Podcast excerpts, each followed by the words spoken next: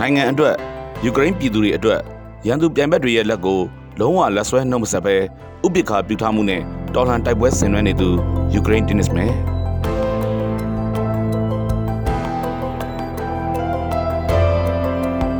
ယူကရိန်းကိုရုရှားကနေကျူးကျော်စစ်ဆင်နွှဲနေတဲ့အကြောင်းကိုအကျယ်ရှက်ပြီးစာဖွဲ့မနေတော့ပါဘူး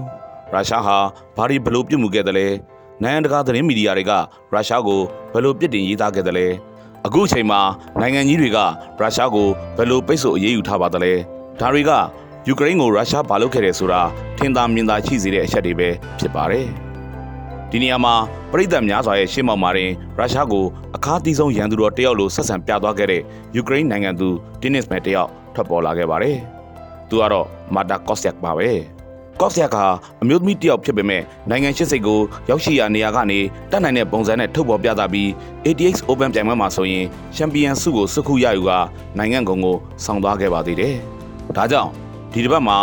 စိတ်ခွန်အားပြင်းပြတဲ့ကော့ဆက်ကိုဒဝဲဝက်အမျိုးသမီးကဏ္ဍရဲ့ပုံရိပ်ရှင်အဖြစ်ရွေးချယ်ပေးလိုက်ပါတယ်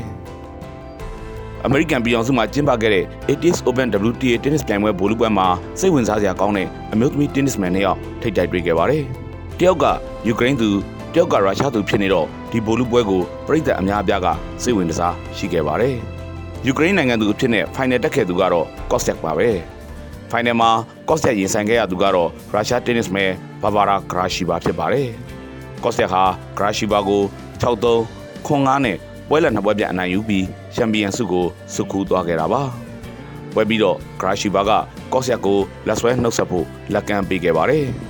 ဒါပေမဲ့ယူကရိန်းသူဟာရုရှားသူရဲ့ကမ်းလက်ကိုညှင်းဆန်ပယ်ချပြီးကိုယ့်နိုင်ငံအပေါ်ကျူးကျော်သူတွေကိုဘယ်လုံးမှလက်ဆွဲနှုတ်ဆက်နေစရာအကြောင်းမရှိဘူးလို့လှပတဲ့အပြုအမူနဲ့ထုတ်ဖော်ပြသသွားခဲ့ပါတယ်တချို့ကကော့ဆက်ရဲ့လုပ်ရက်ကိုအားကစားသမားမပြီးသားတဲ့လုပ်ရက် professional မဆန်တဲ့လုပ်ရက်လို့ဝေဖန်ကြပေမဲ့ရုရှားရဲ့လုပ်ရက်ကြောင့်ယူကရိန်းပြည်သူတွေနာကျင်ခံစားရတာကိုတော့ခံစားမှုသူရဲ့ရင်ဘတ်ဖြစ်မှသာအတိဆုံးဖြစ်နိုင်မှာပါ။ ကော့ဆက်ဟာပြီးခဲ့တဲ့သတင်းပတ်တုန်းကလည်းမီယာမီအိုပန်မှာရုရှားပြိုင်ဘက်နဲ့တွေ့ဆုံခဲ့ရပါသေးတယ်။ဒီချိန်မှာတော့ရုရှားတင်းနစ်မဲပိုတာပိုဘာကိုကော့ဆက်ကအရှုံးပေးလိုက်ရပါတယ်။ဒါပေမဲ့ကော့ဆက်ဟာပွဲပြီးသွားတော့ပိုတာပိုဘာကိုလက်ဆွဲနှုတ်မဆက်ခဲ့သလိုလက်ဆွဲနှုတ်ဆက်ဖို့အတွက်လည်းသူမဘက်ကနေစပြီးလက်ကမ်းမပေးခဲ့ပါဘူး။ကော့ဆက်ရဲ့စိတ်နာမှုတွေထဲမှာရုရှားအပြင်ဘီလာရုစ်လည်းပါဝင်လို့နေပါတယ်။ ဘီလာရုစ်ဟာအခုအချိန်ထိရုရှားဘက်မှရပ်တည်နေပြီးယူကရိန်းအရေးမှာအတံမထွက်ဘဲနှုတ်ဆက်နေကြလို့ဒီနိုင်ငံဟာမလင်းတူဘူးဆိုတကြိမ်တည်းတညံနဲ့ရဲ့လို့ကော့ဆက်ကသတ်မှတ်ထားလိုက်တာပါမနစ်တုန်းကကျင်းပခဲ့တဲ့ US Open Grand Slam Tennis ပြိုင်ပွဲမှာထိပ်သီး Belarus Tennis မဲ့ Azarenka နဲ့တွေ့တော့လဲကော့ဆက်ကလက်ဆွဲနှုတ်မဆက်ခဲ့ပါဘူးတကယ်တော့ကော့ဆက်လုံနေတာတွေဟာတာမန်ကြည့်လိုက်ရင်အသေးအဖွဲအဆင့်လောက်ပဲရှိပါတယ် ဒါပေမဲ့ကော့ဆက်ဟာငါနိုင်တဲ့ဝင်ကိုငါနိုင်ငံအတွက်ရရနေရာကနေရတဲ့ပုံစံနဲ့ငါဝင်ထမ်းမယ်ဆိုတာကိုပြသနေတာပါပဲတချို့သောအရာတွေကိုအဲ့လိုအုတ်တစ်ချက်နှမ်းတစ်စီကနေပဲအစပြုကြတာမဟုတ်တာ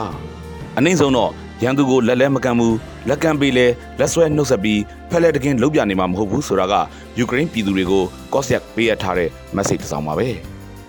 ငါဟာနင်တို့နဲ့အတူရန်သူကိုရရနီးနဲ့ဆန့်ကျင်နေပါတယ်ဆိုတဲ့ပြောက်ဆိုရင်လည်းမမှားဘူးပေါ့လေ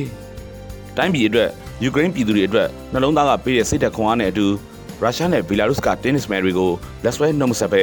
ကိုယ်ခံယူချက်အတွက်မိခင်ယူကရိန်းနိုင်ငံတော်အတွက်တိုက်ပွဲဝင်ပြနေသူကော့ဆက်ကိုဒီတစ်ပတ်တော်ဝက်ရှက်အမျိုးသမီးကဏ္ဍကျက်တဝင်းအဖြစ်တင်ဆက်ပေးလိုက်ပါတယ်ခင်ဗျာ။